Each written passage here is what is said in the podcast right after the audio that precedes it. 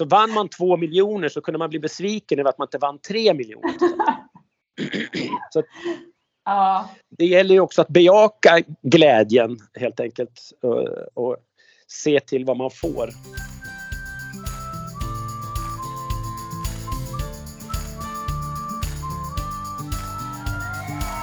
Låt dig smittas av glädje i podcasten som förgyller din dag. Välkommen till Glädjepodden med Sandra och gäster. I veckans avsnitt av Glädjepodden så ska du få träffa en person som har förgyllt många människors dagar, bland annat genom Bingolotto och Vem vet mest? Så, vem som är veckans gäst i Glädjepodden, det kan du få fundera lite grann över. Så går jag vidare med någonting annat som förgyller människors dagar så länge, nämligen mellanmål. Och det passar väldigt bra för vi har med Friggs som partners för Glädjepodden nu under oktober. Och de erbjuder ju bland annat de här ris och majskakorna som är perfekt mellanmål. Och eh, de, de är roliga också för att där kan man ju variera sitt pålägg i oändlighet. Antingen så äter man dem med smak som de är eller så hittar man på något kul att ha på. Och eh, en sak nu också innan vi lämnar över till veckans avsnitt så ska jag bara säga det att någonting som kan förgylla din dag det är att du får 15% rabatt på glimja.com som är ett e-handelsföretag inom hälsokost och bara erbjuder produkter av absolut bästa kvalitet. Så gå in på glimja.com med koden Glädjepodden med stora bokstäver så får du 15% rabatt på din nästa beställning. Du hittar det här i poddbeskrivningen. Där hittar du också mina kontaktuppgifter, kontaktuppgifter till gästen, till Friggs. Och om du inte redan gör det så får du gärna prenumerera på den här podden för mer glädje varje onsdag. Så lämnar vi nu över till den här onsdagens glädjeboost. Men eh, är du redo? Jag är så redo så att man kan bli alltså. Ja, vad härligt. Välkommen till Glädjepodden, Rickard. Tack så hemskt mycket. Glädje! Ja. Hur känner du idag? Har du, vi spelar ju in nu på förmiddagen. Har Mm. du haft en bra morgon hittills? Ja, men jag tycker det. Jag har, har ju mina morgonrutiner. Eh, jag greppar mobiltelefonen och bläddrar igenom nyhetsflödet och sen går jag ut med hunden. En lång promenad och så äter jag frukost. Så det, eh, jag gillar att ha rutiner i livet. Mm. Eh, och sen har det lite struligt runt omkring kan man säga. Men det är som att det är lättare att ha det struligt runt omkring också om man har rutinerna. Precis så är det. Det, det är lite grann som eh, att spela musik. Att, eh, det är lättare att improvisera om du kan låten. Liksom. Mm. Ja, men exakt. Men brukar du känna så också när du ska jobba? Om du har till exempel då ett tv-jobb sådär, att Mm. om du är förberedd så är det lättare också att vara spontan. Precis så är det. Det, eh, det gäller allt och det är därför rutiner också är viktigt i livet. Att, att ha det för att man sen ska kunna sväva ut lite grann. Annars blir allting bara utsvävningar. Då finns det ingen styrsel på någonting. Mm. Det är lite grann som relationen mellan känsla och förnuft. Eh, om man tänker om förnuftet är rodret på en segelbåt. Har du bara förnuft, då, då har du bara roder, då kommer du liksom ingen vart. Mm. Men om känslan är, om känslan är seglet och har du bara känsla då, då, då åker du bara med seglet vind för våg hur som helst. Så du måste ha både roder och segel för att kunna ta dig dit du vill. Och det är Mm. väl så mellan, mellan rutiner och utsvävningar också skulle jag säga. Ja, vilken bra liknelse. Ja, om ja, ja, ja, jag tror det. Man, det funkar inte bara med segel och det funkar inte bara med roder. Det måste vara en kombo. Ja. Ja, det är ju det där med balansen i livet när det kommer det- till det mesta.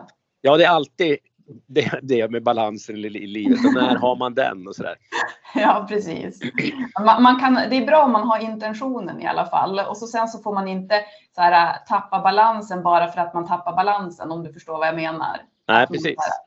Men det, det är ju också sådär, eh, när man står och balanserar så balanserar man ju hela tiden. Och det är väl det som Mm. gör att man fanken får aldrig någon riktig jämvikt för man står och balanserar där hela tiden. Det tar aldrig slut. Men det är väl det Ja. som är grejen. Ja, lära sig att vara människa. Exakt. Ja, Svåraste säga, som finns. Ja, exakt. Men det är också, det är väl ganska kul också? Det är klart. Man måste tycka att det är roligt. Annars blir det ju outhärdligt att alltid stå balanserad och tycka att det är jobbigt. Ja, exakt. Men sen har ju alla, alla människor har ju olika ambitioner också med vad, vad man vill med livet och vad som är balans och inte balans och sådär. Så att, eh, där får man ju skräddarsy efter egna eh, behov och vad man, vad man mår bra av helt enkelt. Ja, men för det är ju det här att vara människa och lära känna sig själv eftersom att det finns ju ingen manual för alla människor och det är som det här med glädje också. Det finns ju ingen manual som gör alla människor glada utan alla har vi som olika så att mm. lära känna sig själv. Ja. Eller som min moster brukar säga, livet är ingenting för amatörer. Nej, men så kan man känna ibland. ja.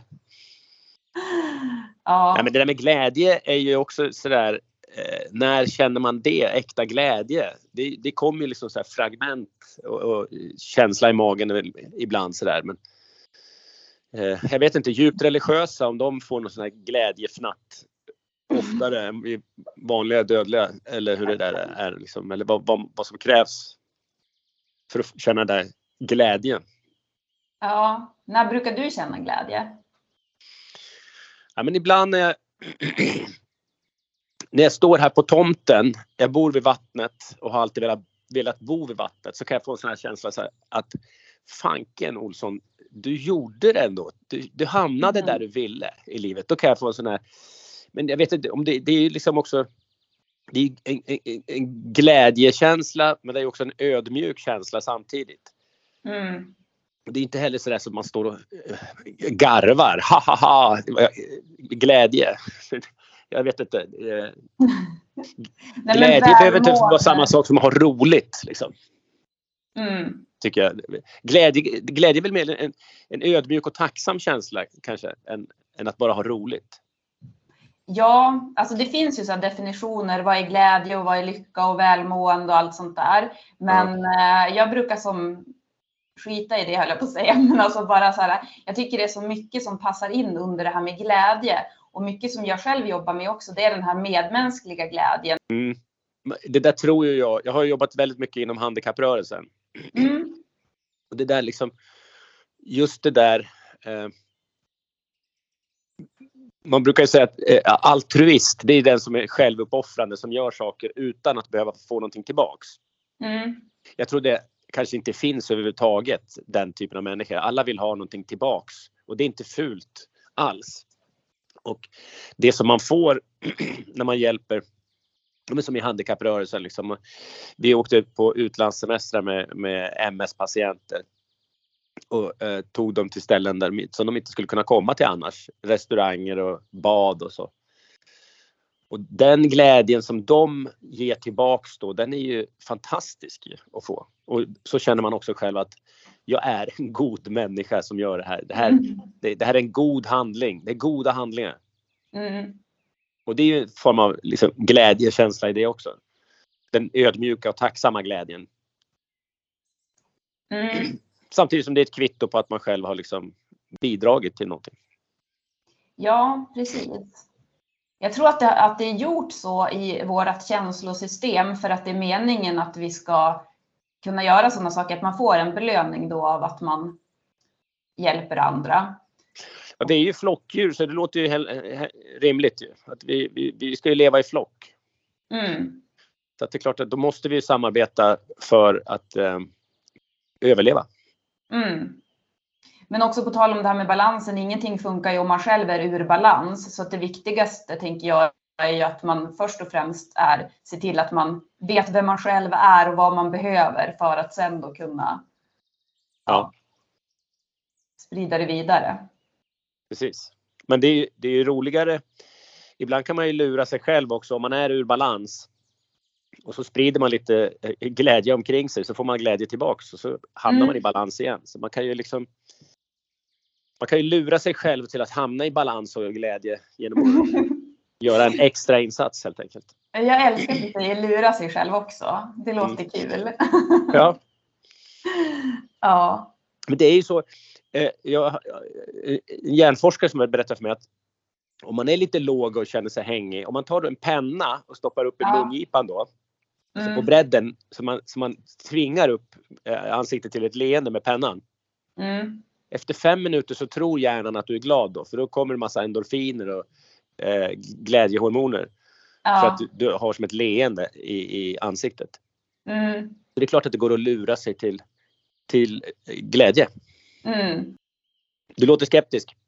Nej men, jag, nej men jag köper det där för att det där har jag också, jag har läst mycket lyckoforskning. Så att jag vet också sådana att det är samma sak som om man har händerna ovanför huvudet.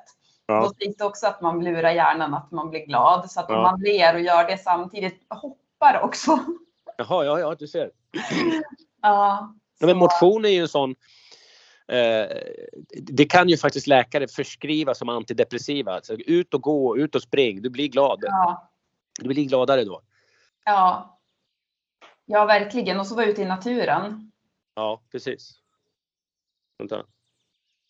Vi hade ju lite, vi får säga det till, till lyssnarna här också, att hoppas att ljudet låter helt okej. Vi, eh, vi hade, fick eh, byta inspelningsplattform eller vad man ska säga. Ja, precis. Vi kör Skype idag.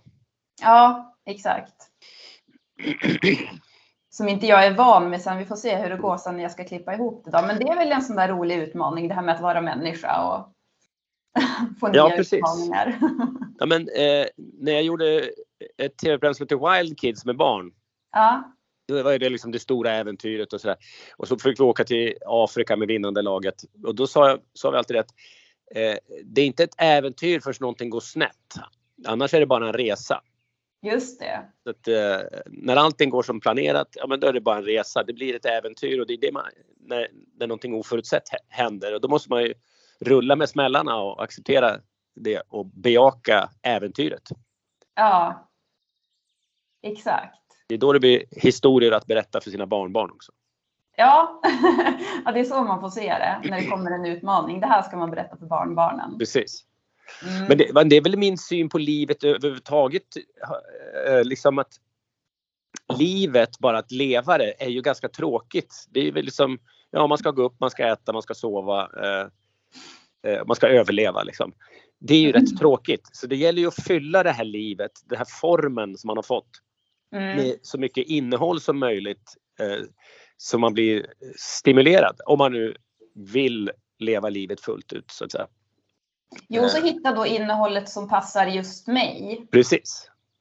Mm. Men eh, hur ser ditt liv ut nu för tiden? Ja, det är ganska litet liv just nu faktiskt nu för tiden. Eh, Jag, eh, jag har rest väldigt mycket och jobbat väldigt mycket i Sverige. Och jag åkte 16 år till Göteborg fram och tillbaks och levde nästan i resväska flera gånger i veckan och på hotell och sådär. Mm. Och nu jobbar jag i Stockholm på en radiokanal. Eh, och jobbar där, börjar klockan tre på eftermiddagarna och sända. Så jag åker in vid, mitt på dagen ungefär. Så jag tar lite lugna eh, förmiddagar med hundpromenader och lite så här soft. Eh, så livet är väl ganska lugnt skulle jag säga. Och sen har det varit pandemi vilket har gjort att det varit ännu lugnare och nästan eh, glädjelöst faktiskt. Eh, apropå temat för den här podden.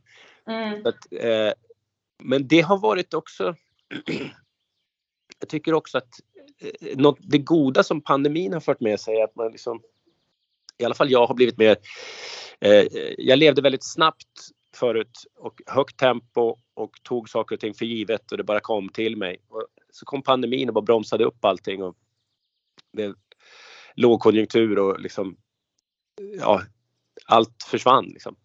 Mm. Så man blir mer ödmjuk inför, inför livet och det man har och eh, där jag är och dit jag har kommit tycker jag också. Det, det, det kan jag tacka pandemin för lite. Om man nu kan tacka den för någonting. Att Ja, men det är väl det. det det bromsades upp och man blev ödmjuk. ja, att vad som än händer i livet lite, att man får som ändå se då sen att vad, vad har ändå kommit av det? Vad har Precis. kommit positivt Precis. det? Det kan ju också vara så att man lever ett liv och så bara högre, snabbare, fortare, högre, snabbare, fortare. Eh, och så ser man inte det man faktiskt har. Ja, jag Och tänkte på eh, det när du sa att du hade stått unna sig att vara nöjd. Mm. Ja, men som du som stod och tittade ut över vattnet och kände tacksamhet och glädje över det. Ja, precis. Och ibland när jag åker båt också, när jag, eh, jag åker båt in till stan, till Stockholm eh, och så lägger jag till vid Kungliga Motorbåtsklubben och så går jag in. Liksom, det kan jag också känna så här. Fanken, jag bor i en, i en av världens vackraste städer och jag åker båt in till stan och åker Mm. båt hem. Eh, nyp dig i armen Rickard. Det här är Mm. otroligt häftigt. Jag tror verkligen att det där är ett sätt att få uppleva glädje oftare. Just det här att se vad man har för någonting och att uppskatta det och tänka på det så mycket som möjligt. Och det kanske inte är just den här glädjen som gör att man hoppar jämfota, men det ger ju ändå en välbehagskänsla. Ja precis. Det, den där glädjen som gör att man hoppar jämfota den är ju väldigt, eh, den, den kommer ju inte ofta. Alltså. Det beror ju på om man då stoppar en penna i munnen och Ja, precis. hoppar jämfota. Ja, precis. Ja, Nej, men så, liksom, jag, förut fick jag, kunde jag också få såna materiella kickar. Liksom. Om man köpte någonting som man ville ha så fick man också så här, en liten glädjekick. Eh, mm. Men den varar ju inte länge. Liksom. Den varar ju någon, kanske någon dag. Sen, så, så, de försvinner ju hela tiden. Mm. Så det har jag liksom. Den, det, ja, jag fick i och för sig en sån materiell kick i helgen. Det kom ett par killar eh, och monterade en grill som jag har skaffat. Mm. Eh, men den är också eh, inte bara för att jag ska stå och grilla utan det är som en stekhäll så alla kan stå runt omkring så det blir som en festplats. Mm. Så om man ska knyta tillbaks till just det där att man kan ge folk saker och ting så är ju tanken med den grillen att man kan ge andra en härlig upplevelse och sig själv också. Så det var därför den det var, det, var en, eh, det var inte bara en grill som man ska stå ensam med och grilla, killen med grillen. Utan det här var, Killen. Ja men det här var så här, Ja. som alla kan stå vid. Mm. En lägereld. Liksom. ja, och eftersom att man då ändå är människa som vi har kommit fram till att vi är, Mm. då får man ju också bli glad över materiella saker och, och man får ju uppskatta det också såklart eftersom att det är en del av den mänskliga upplevelsen. Men någonstans är det väl också där att ha balansen så att det inte är det som driver en. Ja precis, det kan ju, man kan bli vulgär materialist och eh, shopaholic och tro att det är det som är vägen till lycka. Men det är ju bara liksom Ja det är som att knarka eller röka. Liksom. Det, det mår ju inte Jo. bra det i längden heller. Nej, det är ju de här yttre Kort, grejerna. korta snabba kickar. Ja, precis. Så det, och det är ju liksom Det är väl också en sån här grej i livet att just de här quick fix, att, att göra det snabbt. Mm. Det, det, eh, det funkar sällan. Eller liksom, ö- över tid så måste du göra läxan. Du måste göra det där grovjobbet, det tråkiga jobbet för att känna en djup glädje eller tacksamhet. Mm. Lite som, om, som, som vi sa i början, alltså, man, måste, man måste göra läxan och vara väl förberedd för att kunna eh, sväva ut. Mm. Precis. Ja, men vilka bra tips. Så då, det är ju någonting så här, man kan fundera över då så här, att men vad har jag för rutiner i livet som låt, tillåter mig att vara spontan och sväva ut? Ja, men jag, jag kan ibland känna själv eh, oro inför mig själv och jag kan se på eh, barnen här hemma. Mm. De, de är ju uppfödda med liksom att det ska gå snabbt och fort och man orkar inte göra läxan. Man orkar liksom inte göra det långsamma lärandet. Mm. Eh, för det ska vara ett flöde, det ska gå fort på alla sätt och vis. Eh, och just det där att läsa en bok. Att jag tror faktiskt på det, långsamheten eh, i, i den djup, om man ska hitta den djupare glädjen. Annars så blir det de här korta snabba kickarna och man ska försöka läsa så lite som möjligt inför ett prov eller liksom som min dotter hon- hon liksom håller på, håller på med sitt körkortsteorin. Och då läser man aldrig boken utan man bara svarar på frågor och så ser man till så att man svarar på exakt så många frågor så att man ska klara teoriprovet. Istället för att Mm. sätta ner från början, läs boken en gång så att du kan den. Gör det långsamma och gör, gör rätt från början. Mm.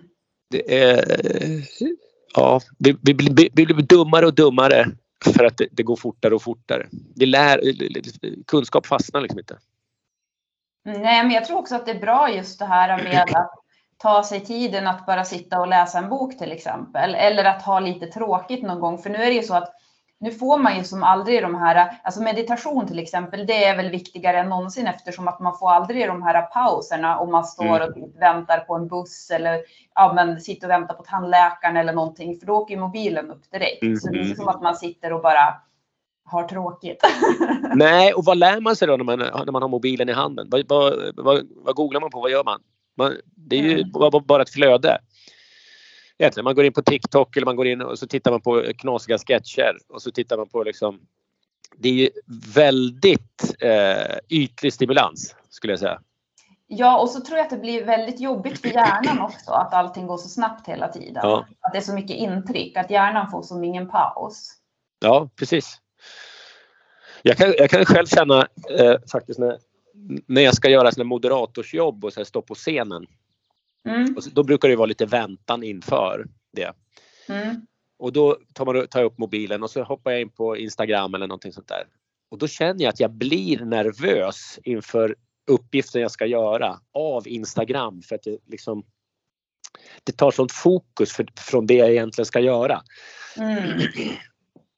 Eh, har jag märkt. Så jag måste liksom stänga ner alla sociala medier när jag ska prestera någonting själv. Mm. Att det, Men- det där, ja. Och nu låter man ju som en 55-årig gubbe som säger att det var bättre förr. Och det Mm. är jag också. Jag är 55 och jag är gubbe och det Mm. var bättre förr på vissa, vissa håll och kanter. Det är därför jag tror universitetet tror jag är fantastiskt men jag tror det också kan vara väldigt jobbigt för många som kommer till universitetet nu. För där, där är det ju verkligen långsamt lärande. Vi ska gå igenom den här boken på 300 sidor och sen ska vi tenta av den. Du kommer liksom Mm. inte undan. Mm. Så det, universitetet betyder jättemycket för mig. Jag pluggar faktiskt. Men jag tänker att du har ju hållit på med Vem vet mest i ett bra Tio år. tag. Ja. Ja. Då måste du ha lärt dig ganska mycket. ja, men det går ju också väldigt fort i Vem vet mest. Så att det, jag, vet inte, jag vet inte hur mycket som har fastnat just från Vem vet mest. Eh, men jag är ganska duktig på att hoppa på kunskap sådär. Just det, det var, det var Demosthenes, ja, men det var han som gick med kiselstenar i munnen och, för att överrösta havet och för att få stora lungor så att han blev en bra retoriker. Och sådana grejer. Så att ja, jo men jag har väl lärt mig lite. Nu är han lite otålig här för han hör att jag pratar hunden. Ja, han vill vara med. Han vill vara med. glädje. Ja. Det gör han. Fan hundar är ju, ibland så kan jag tänka det att hundar, de är ju, varje gång jag kommer hem Mm. så är, är ju hunden sådär över, det, apropå glädje, det är ju ren och skär glädje. Ja. Och tydligen så är det så att varje gång någon familjemedlem kommer hem så det som sprutar ut i huvudet på hunden det är samma hormoner. Den, den känner likadant som de gångerna, de få gångerna där du har varit riktigt, riktigt jävla kär. Kär och galen. Det känner hunden flera gånger. Varje gång det kommer hem någon Jaha. så känner den bara sån och total kärlek. Va? Som Ja. bara sprutar ut i hela kroppen. Det är jävligt häftigt och avundsvärt alltså. Det måste vara roligt att vara hund. Ja, på det sättet, alltså rent känslomässigt så tror jag det är fantastiskt att vara hund. Och hundar är också flockdjur, precis som vi. Ja. Jag har en kanin Ja, och han är som en hund så att när jag kommer hem då kommer han också kutandes mot mig och är jätteglad. ja, Så följer han alltid efter mig överallt där jag är. Så jag tänker att han kanske också känner den där kärkänslan då. ja varför inte? Ja. Med, med, tanke på hur kaniner beter sig så eh, är de verkar de väldigt kära ofta. Ja, ja, ja precis. Han, han är ju då själv men Ja, stackarn. Ja, men han är väl lite glad i alla fall. Så. Ja. Men har du någonting som du kan lära oss som vi inte vet? På tal om vem vet mest? Oj! Alltså re- ren kunskap. Ja, men någon sån här grej som du tänker så här, det här är ingen som vet.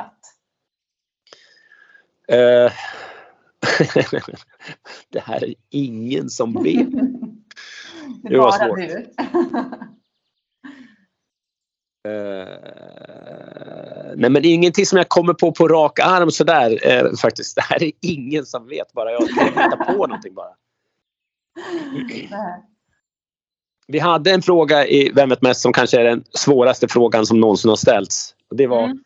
vad hette Sveriges första kvinnliga eh, domkyrkoorganist? Oj. Ja.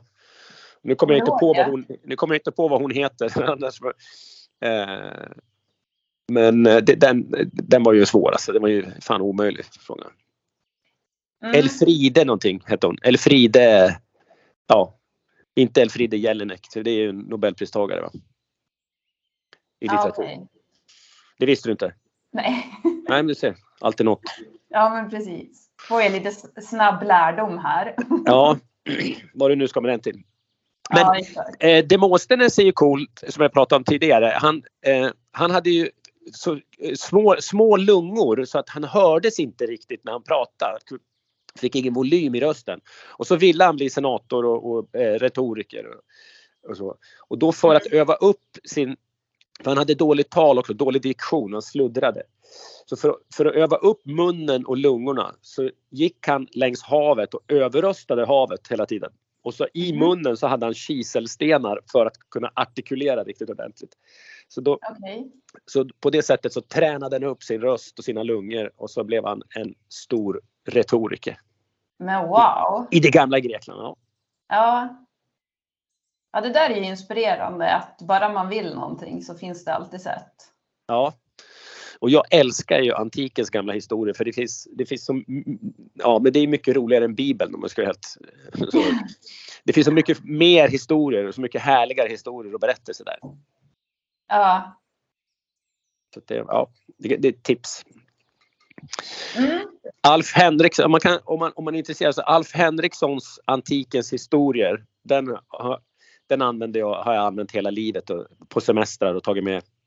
Jag har två exemplar, det ena är helt utläst. Det finns så, och språket är helt magiskt eh, Ja. skrivet och så är det så många härliga historier och reflektioner som, som man kan lägga in i sin egna inre bokhylla i huvudet. Alf Henriksson. Alf Henriksson, Antikens historia. Ja, Tips till alla. det. Nej men du har ju gjort väldigt mycket. Ja, Jag tycker att det är väl Bingolotto, Vem vet mest, Melodifestivalen. Jag tror att det är många som känner igen dig därifrån, men jag vet att du har gjort väldigt mycket mer också. mm. Skulle du vilja ge en liten återblick på? på mitt liv. Ja. Eh, ja, men jag började eh, i... Jag kan börja, jag, jag är från Gävle från början Mm. och eh, uppväxt i ett ganska eh, tufft område. Sådär. Och det, var, Eh, det var inte många som... Ja, men, de allra flesta gick liksom bygg och anläggning och eltele och, och den där, alltså blev hantverkare. Det var det man skulle bli. Som. Och jag var ju, hade tummen mitt i handen och var rätt kass på allt sånt där. Så jag hamnade på samhällsvetarlinjen på gymnasiet. Och då träffar man ju helt plötsligt andra typer av människor. Eh, akademikerbarn som, som sa att de skulle ville bli lärare och läkare och eh, advokater och skulle läsa litteraturvetenskap på universitetet och sådär. Och jag tänkte, vad fan kan, det, där är, det där kan inte vi bli. Det är bara andra som blir det. Eh, det var för stora drömmar liksom. Så Ja. det var väldigt nyttigt att träffa de här akademikerbarnen bara så här, Jaha, jag kan också bli det. Jag behöver Mm. liksom inte bli snickare, en dålig snickare för att jag så kass. Eller rörmokare. Så jag, jag kan bli Mm. annat. Jag, man kan drömma större. Så då, där föddes eh, den tanken lite grann. Och så, så spelade jag mycket i, i band och spelade i musik och spelade gitarr eh, i Gävle. Och efter gymnasiet så höll jag på med det ett tag. Ända tills en flickvän sa till mig så att du är för dålig på gitarr. Kan du inte fatta det? Du kommer aldrig att bli rockstjärna. Så är det bara. Oj. Hon, ja, men hon, det var ju en sanning som jag egentligen innerst inne visste om. Mm. Eh, så hon sa det bara att ja, men hur många är det av alla som spelar musik som blir rockstjärnor? Liksom? Det, så att, eh, hon hade rätt. Så då sökte jag mig till universitetet och hamnade i Örebro. Och läste kulturvetarlinjen hette det. Som var lite så allmän kulturlinje och sen så fick man välja inriktning och då valde jag litteraturvetenskap. För jag tänkte att jag vill, jag vill läsa eh, de här alla klassikerna. Eh, jag, och när man läser litteraturvetenskap så får man historia, idéhistoria och filosofi med på köpet. För det ingår liksom i litteraturen kan man säga. Mm. Jag ville bli en slags humanist.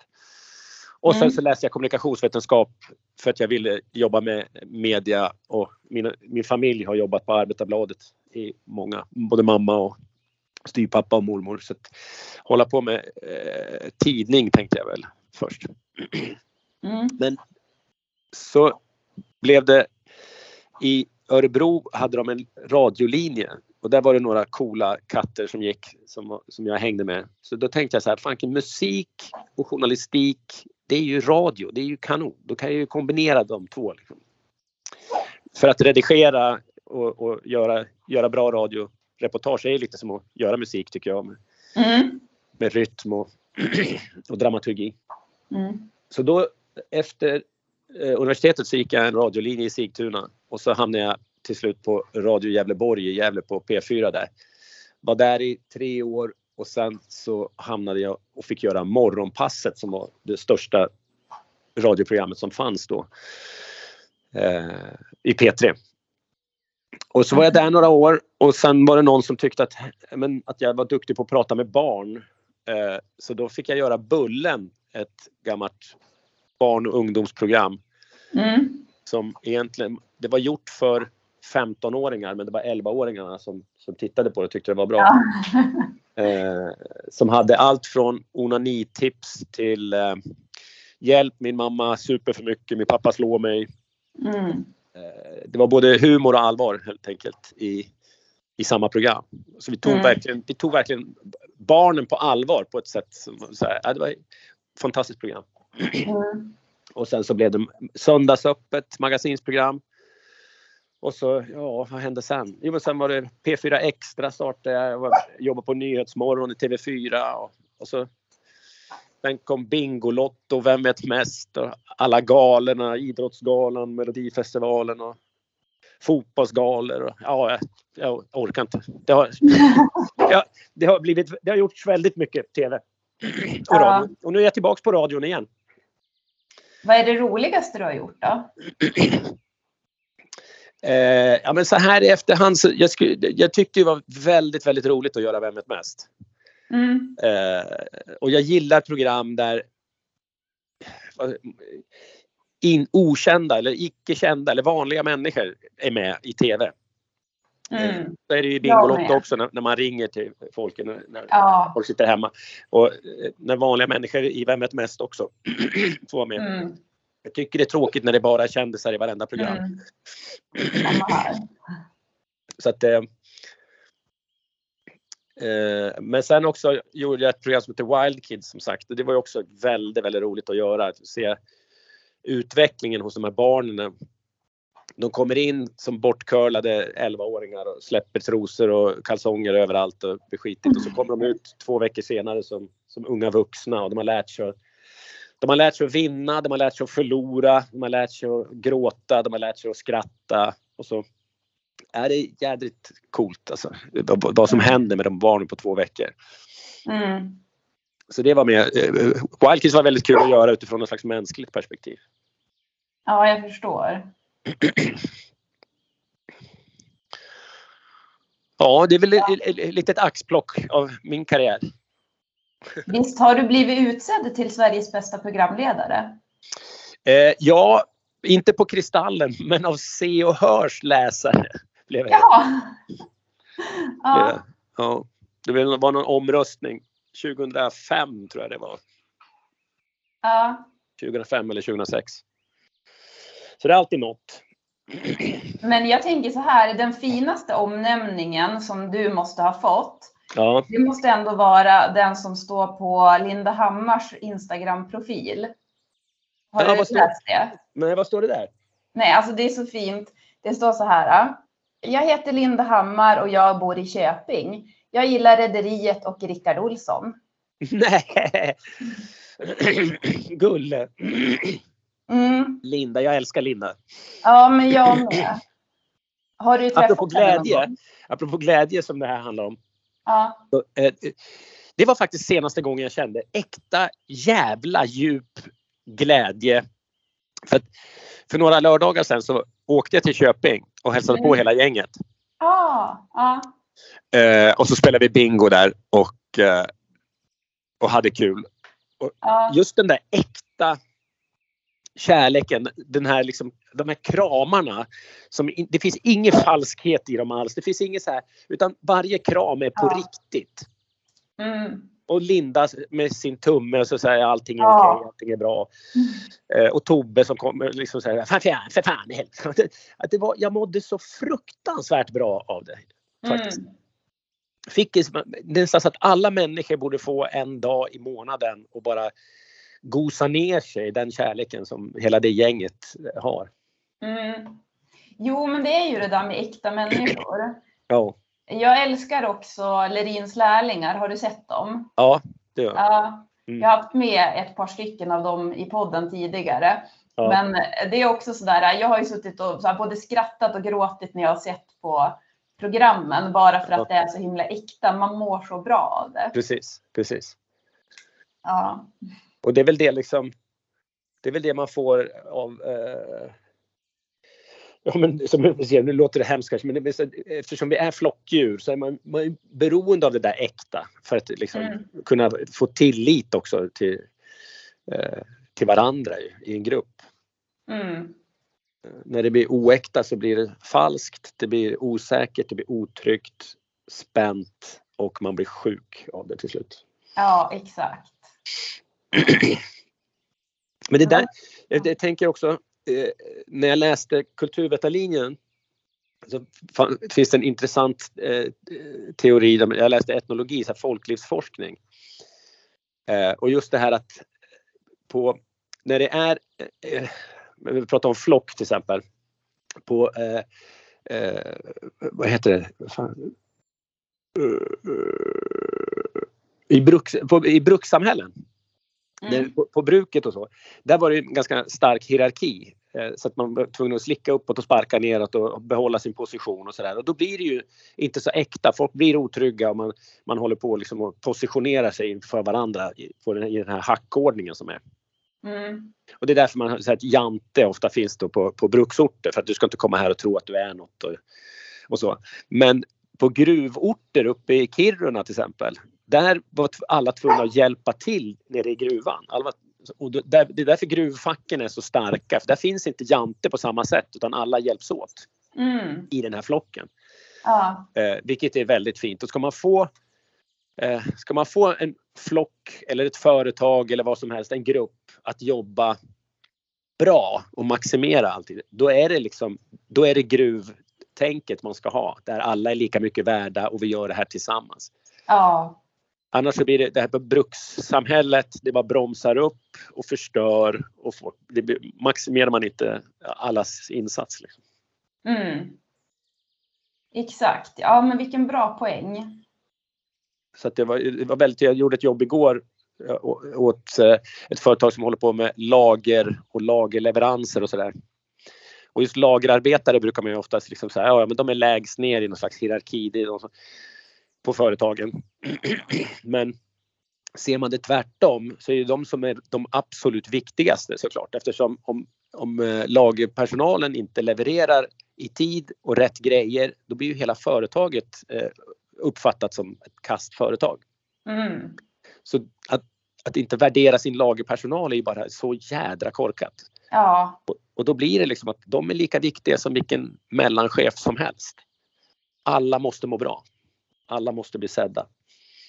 Exakt. Men jag tänker det här äh, att alla människor är lika värda och alla har sin roll. Så är det ju ofta i idrottslag till exempel. Där är det jätteviktigt att alla har sin roll. Ja, Det är som så konkret där. Men jag tänker att det här synsättet att någon skulle vara mer än någon annan eller att man ska se upp till någon annan eller någonting sånt där. Alltså det känns väl ändå ganska ute. ja det, det, det, det känns ju väldigt ute men eh, vänta tills du kommer ut i arbetslivet ska du se. De finns överallt. Ja, jag vet, men jag tycker om att så här, ändå så här, se att, eller säga eller tänka att det är Ja. ute och så säger vi det nu här och så hör Ja. folk det och så fattar de att ja, men det, det är min största besvikelse i livet att de här som var knäpp och dumma i sandlådan. Om man sa så här, får jag låna din spade? Nej. Då tänkte man så här, ja men när vi blir vuxna så kommer alla att vara lika bra. Nej, Mm. de där dumma som var dumma i sandlådan, de är lika dumma fast de är vuxna också. Det är samma, samma typer. Men, men vi skapar en ny trend nu. Ja, det gör vi. Det gör vi. Glädjetrenden. Ja, exakt.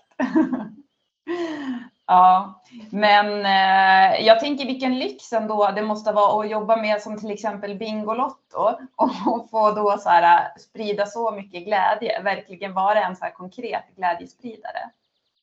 Ja, det, verkligen. Eh, Man är ju som en jultomte varenda söndag där. Men, Mm.